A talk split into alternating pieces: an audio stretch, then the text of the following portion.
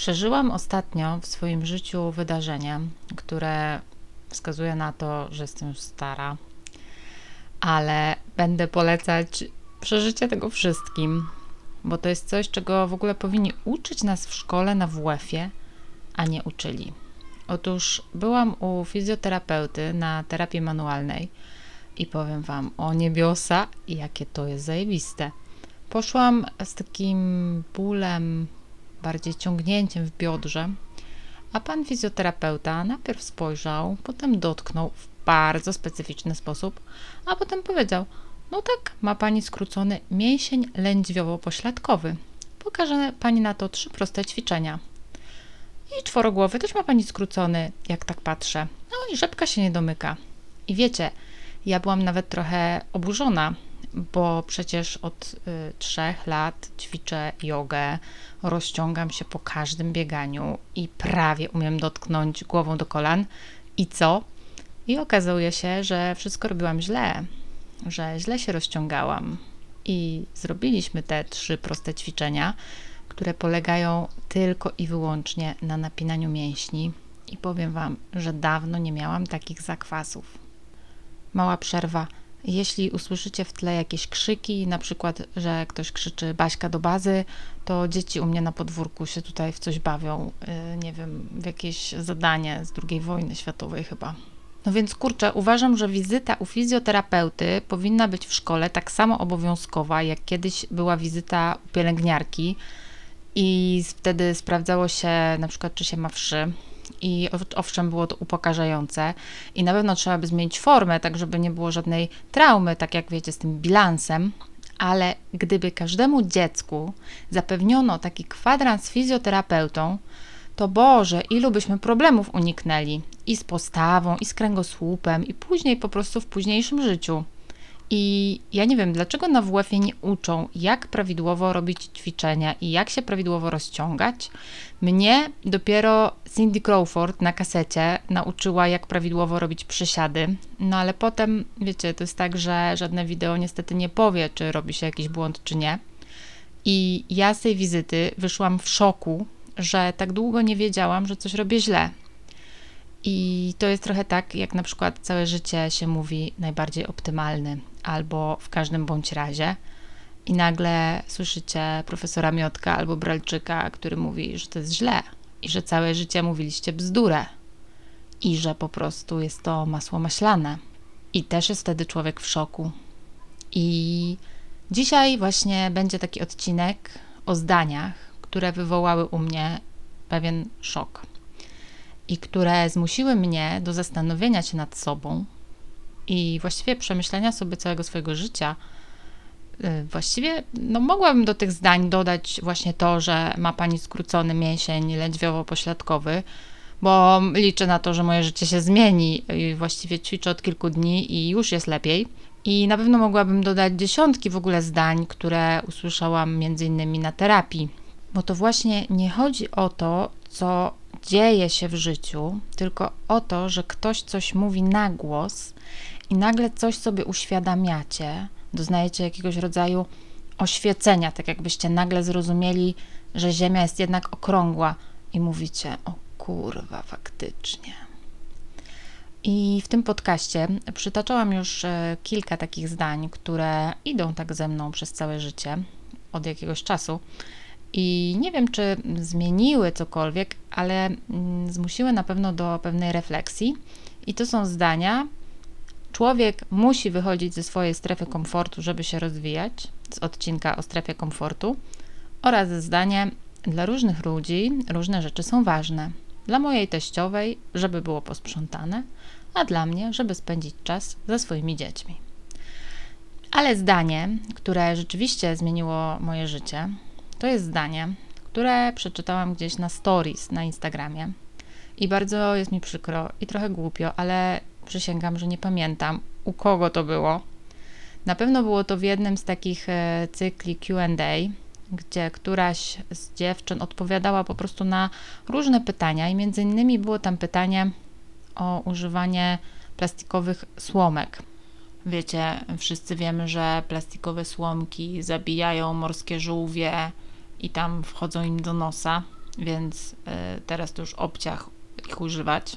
No i ktoś ją tam zapytał, czy używa plastikowych słomek, czy nie ma wyrzutów sumienia z powodu używania plastikowych słomek, i ona odpisała, że czasami ich używa i nie ma potrzeby się z tego tłumaczyć. Nie mam potrzeby się z tego tłumaczyć. Słuchajcie, co to jest za wspaniałe zdanie. Bardzo polecam, jeśli na przykład jedziecie na święta do rodziny i wasza rodzina docieka. Dlaczego nie jecie mięsa? Dlaczego jesteście singlami? Dlaczego nie macie panny albo kawalera? Dlaczego nie chodzicie do kościoła? Dlaczego nie chcecie brać ślubu? Ja przyznam, że naprawdę mam bardzo fajną rodzinę, która nie zadawała nigdy takich pytań, chociaż to ja nie jem mięsa i to ja nie chodzę do kościoła. I to ja ciągle rozstawałam się ze swoimi partnerami i w ogóle bardzo długo takie słowa jak ślub czy dziecko to były trudne do wymówienia. Ale to zdanie jest doskonałe, bo można powiedzieć je w taki sposób, by nikogo nie urazić, ale też nie prowokować takiej. Nie wiem, co to spadło. Coś spadło. Nagrywam dalej. Chodzi o to, że ono nie prowokuje takiej niepotrzebnej dyskusji o tym, że na przykład nie można mówić pasztet na pasztet soczewicy, bo pasztet z definicji jest mięsny. To znaczy, jeśli lubicie takie dyskusje, to proszę bardzo, ale jeśli jakby nie macie ochoty przekonywać kogoś, bo wiecie, że i tak go nie przekonacie i ktoś dyskutuje z wami, bo po prostu ma ochotę wam trochę dopiec, trochę się podroczyć albo trochę was wkurzyć, to bardzo polecam, bo mam wrażenie, że bardzo wiele rozmów z gatunku właśnie, czy pasztet soczewicy można nazwać pasztetem, albo czy jest coś takiego jak wegański schabowy, jakby wokół tego toczy się spór po prostu dla samego sporu, a nie jakby z powodu tego schabowego, czy z powodu tego pasztetu. I nie wiem, czy się tu ze mną zgodzicie, ale po prostu zdarzają się takie sytuacje, kiedy ktoś nas zaczepia, atakuje, bo uważa, że posiadł pewną wiedzę tajemną, doznał oświecenia i teraz musi oświecać innych i przekonywać ich do swoich racji. I y, ja też tak robiłam. Na przykład, jak zgłębiłam bardzo dokładnie temat segregacji śmieci, to przecież no, własnej babci prawie, że robiłam awantury o to, że źle to robi. Przy czym wiecie, no, moja babcia i pewnie wasze babcie też, to po prostu była całe życie zero waste, zanim to w ogóle było modne. Albo tak samo jest jak się przestaje jeść mięso, obejrzy się te wszystkie filmy o hodowli krów na Netflixie i naprawdę ma się ochotę no, zamordować każdego, kto zamawia w restauracji steka i robić mu wykład i kłaść mu do głowy te wszystkie dane. I wtedy piw paw, ten ktoś też tak może powiedzieć. Też widziałem Cowspiracy. Wiem, jaki wpływ na klimat ma mięso, czasem jem steka. Nie mam potrzeby się z tego tłumaczyć. No, szachmat. I oczywiście to zdanie brzmi najlepiej, jeśli jesteście świadomi swoich wyborów i świadomi konsekwencji tych wyborów. No i oczywiście są granice, bo nie wyobrażam sobie sytuacji, gdy ktoś mówi: Hmm, bije swoje dziecko, nie muszę się z tego tłumaczyć. Albo na przykład: Nie pozwalam mojej partnerce iść do pracy. Uważam, że nie muszę się, nie mam potrzeby się z tego tłumaczyć. No więc jakby tutaj ze wszystkimi proporcjami. No ale na przykład są takie sytuacje, że ktoś uprawia tak zwany eco-shaming, czyli właśnie mówi, że jakby niedostatecznie się staracie, żeby ocalić planetę. I na przykład mówi: No jak to? Nie używasz kubeczka menstruacyjnego? Nie używasz wielorazowych podpasek? No przecież to jest e, złe dla środowiska. No i wiecie, come on. Macie swoje powody, dlaczego tak nie robicie, albo dlaczego to robicie, i wtedy mówicie: Używam zwykłych tamponów, nie mam potrzeby się z tego tłumaczyć. Koniec. Wolę wynajmować mieszkanie niż kupować i nie mam potrzeby się z tego tłumaczyć. Wspieram strajk kobiet, ale nie chcę iść na protest. Nie mam potrzeby się z tego tłumaczyć. Słodzę herbatę białym cukrem i nie mam potrzeby się z tego tłumaczyć.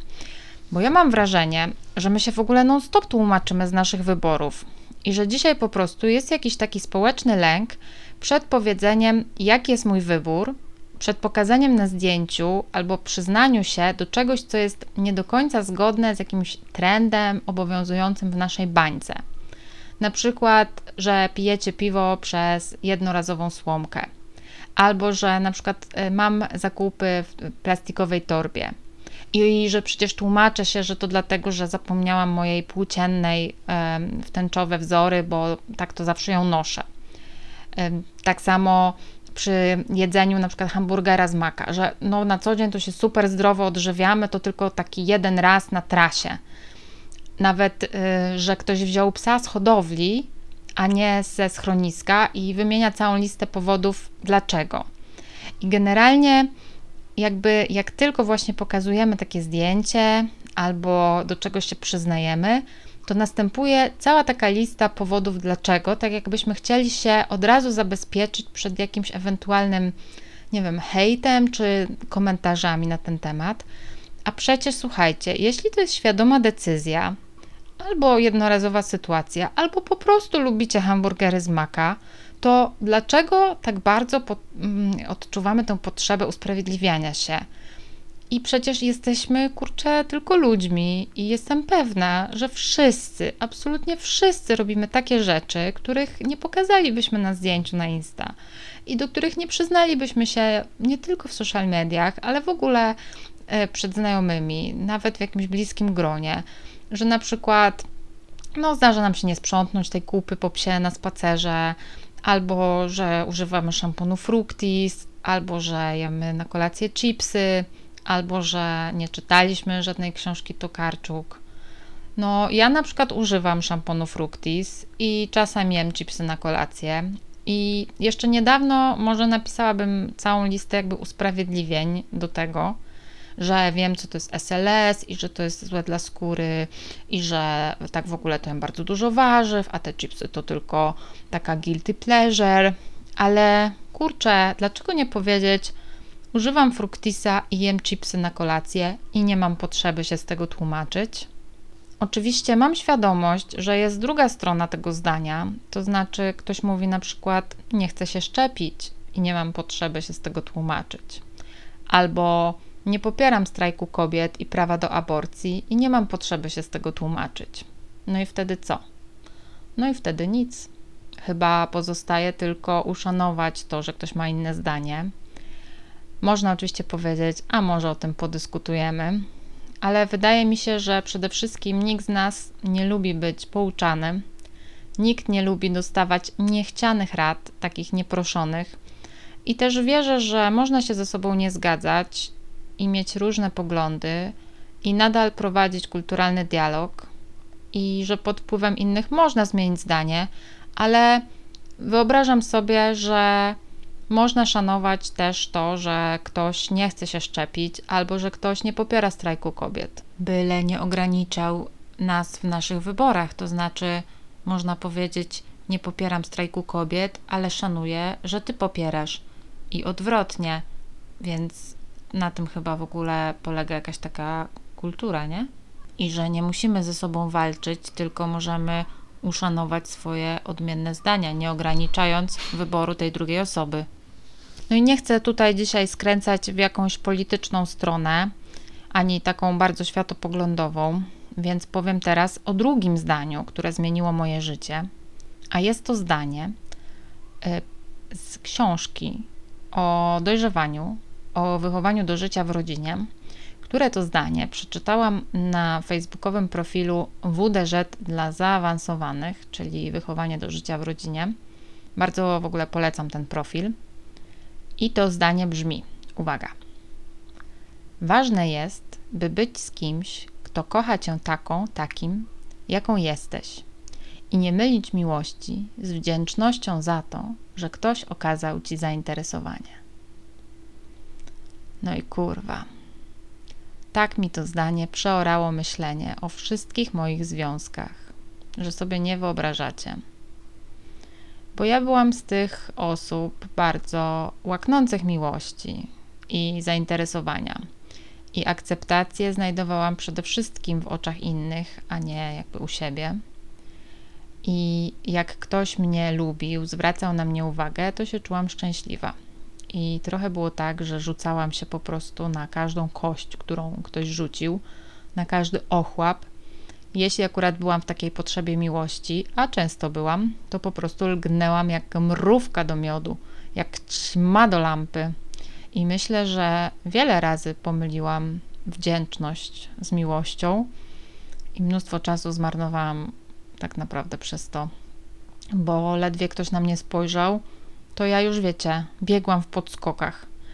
I nie chcę, żeby to wyszło jakoś teraz e, zuchwale, czy jakoś, nie, nie zuchwale, jakoś tak, nie wiem, dziwnie, ale no miałam kilkanaście związków, dłuższych, krótszych w życiu i tak naprawdę może dwa z nich, oprócz obecnego, nie były na wdzięczności oparte.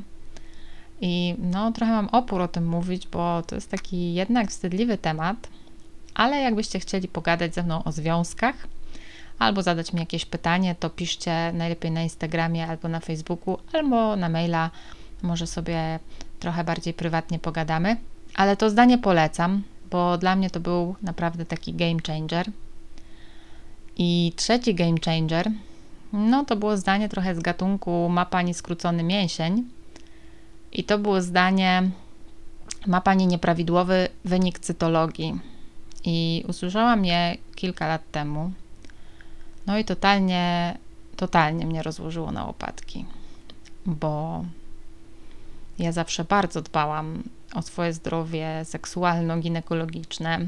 E, robiłam regularnie wszystkie badania. Badałam się na HIV, robiłam cytologię, chodziłam regularnie do ginekologa. No i miałam poczucie, że wiecie, mam obstawiony całkiem ten obszar. Że skoro jestem taką pilną pacjentką, to przecież nie spotka mnie nic złego. Że musi być jakaś taka nagroda za dobre sprawowanie. No i nie. Okazało się, że nie ma tej nagrody. Okazało się, że u pilnej pacjentki też może być coś nie tak. No i wtedy bardzo to wszystko przeżywałam. Teraz, jak do Was mówię, też czuję, jak mi serce wali, ale chcę to powiedzieć, bo u mnie akurat no, potrzebna była dalsza diagnostyka, potem biopsja, perspektywa zabiegu chirurgicznego. No i na szczęście okazało się, że nie jest wcale tak źle, jak e, mogło być, ale najgorsze było właśnie to poczucie bycia oszukaną, że wiecie, tak bardzo się starałam, tak bardzo robiłam wszystko dobrze, a tu jednak kicha i długo bardzo przerabiałam w sobie to poczucie, że to nie jest moja wina i że to nie jest kara za coś. I tutaj w tym miejscu chcę Wam powiedzieć, żebyście się badali i badały, dziewczyny, żebyście robiły cytologię i samobadanie piersi. Mężczyźni, byście badali sobie jądra i obserwowali swoje ciała i nie wstydzili się iść do lekarza, jeżeli zauważycie coś niepokojącego, bo dobry lekarz nie będzie Was oceniał, tylko pomoże. I chcę Wam też powiedzieć, byście badali się na HIV i na choroby przenoszone drogą płciową, bo można mieć całe życie jednego partnera i się zarazić. Można mieć też stu i nigdy nic nie złapać, ale najlepiej się po prostu badać. I jeśli coś Wam wyjdzie w tych badaniach, to pamiętajcie, że to nie jest kara za bogate życie seksualne. Dzisiaj właściwie wszystkie choroby, te przenoszone drogą płciową, można leczyć, a w przypadku raka szyjki macicy, w przypadku wczesnego wykrycia raka szyjki macicy, jest to rak całkowicie uleczalny. No i tu jeszcze zaapeluję, byście szczepili swoje dzieci przeciwko HPV, zarówno chłopców, jak i dziewczynki. To jest właśnie wirus, który jest odpowiedzialny za raka szyjki macicy Niektóre typy tego wirusa są e, wysoko onkogenne i mogą tego raka powodować. I to jest wirus, który przenosi się drogą płciową. Często do zakażenia dochodzi w ogóle podczas pierwszych kontaktów seksualnych, dlatego ta szczepionka powinna być podana dzieciom mm, czy dojrzewającym dzieciom jeszcze przed, pierwszymi, przed pierwszym kontaktem seksualnym. A sama infekcja może rozwijać się kilkanaście lat i dać o sobie znać dopiero około 30. I dotyczy i mężczyzn, i kobiet. Zresztą szacuje się, że około 80% z nas co najmniej raz w życiu zaraża się tym wirusem HPV, ale organizm zwykle sam go zwalcza. Natomiast jeżeli to jest przewlekłe, utrzymujące się wiele lat zakażenie, może prowadzić właśnie do raka szyjki macicy. I co roku w Polsce diagnozę nowotworu szyjki macicy słyszy około 3,5 tysiąca kobiet. Więc to jest tak, że codziennie u 10 kobiet wykrywa się tego raka i z tych 10 w ciągu roku 5 umrze.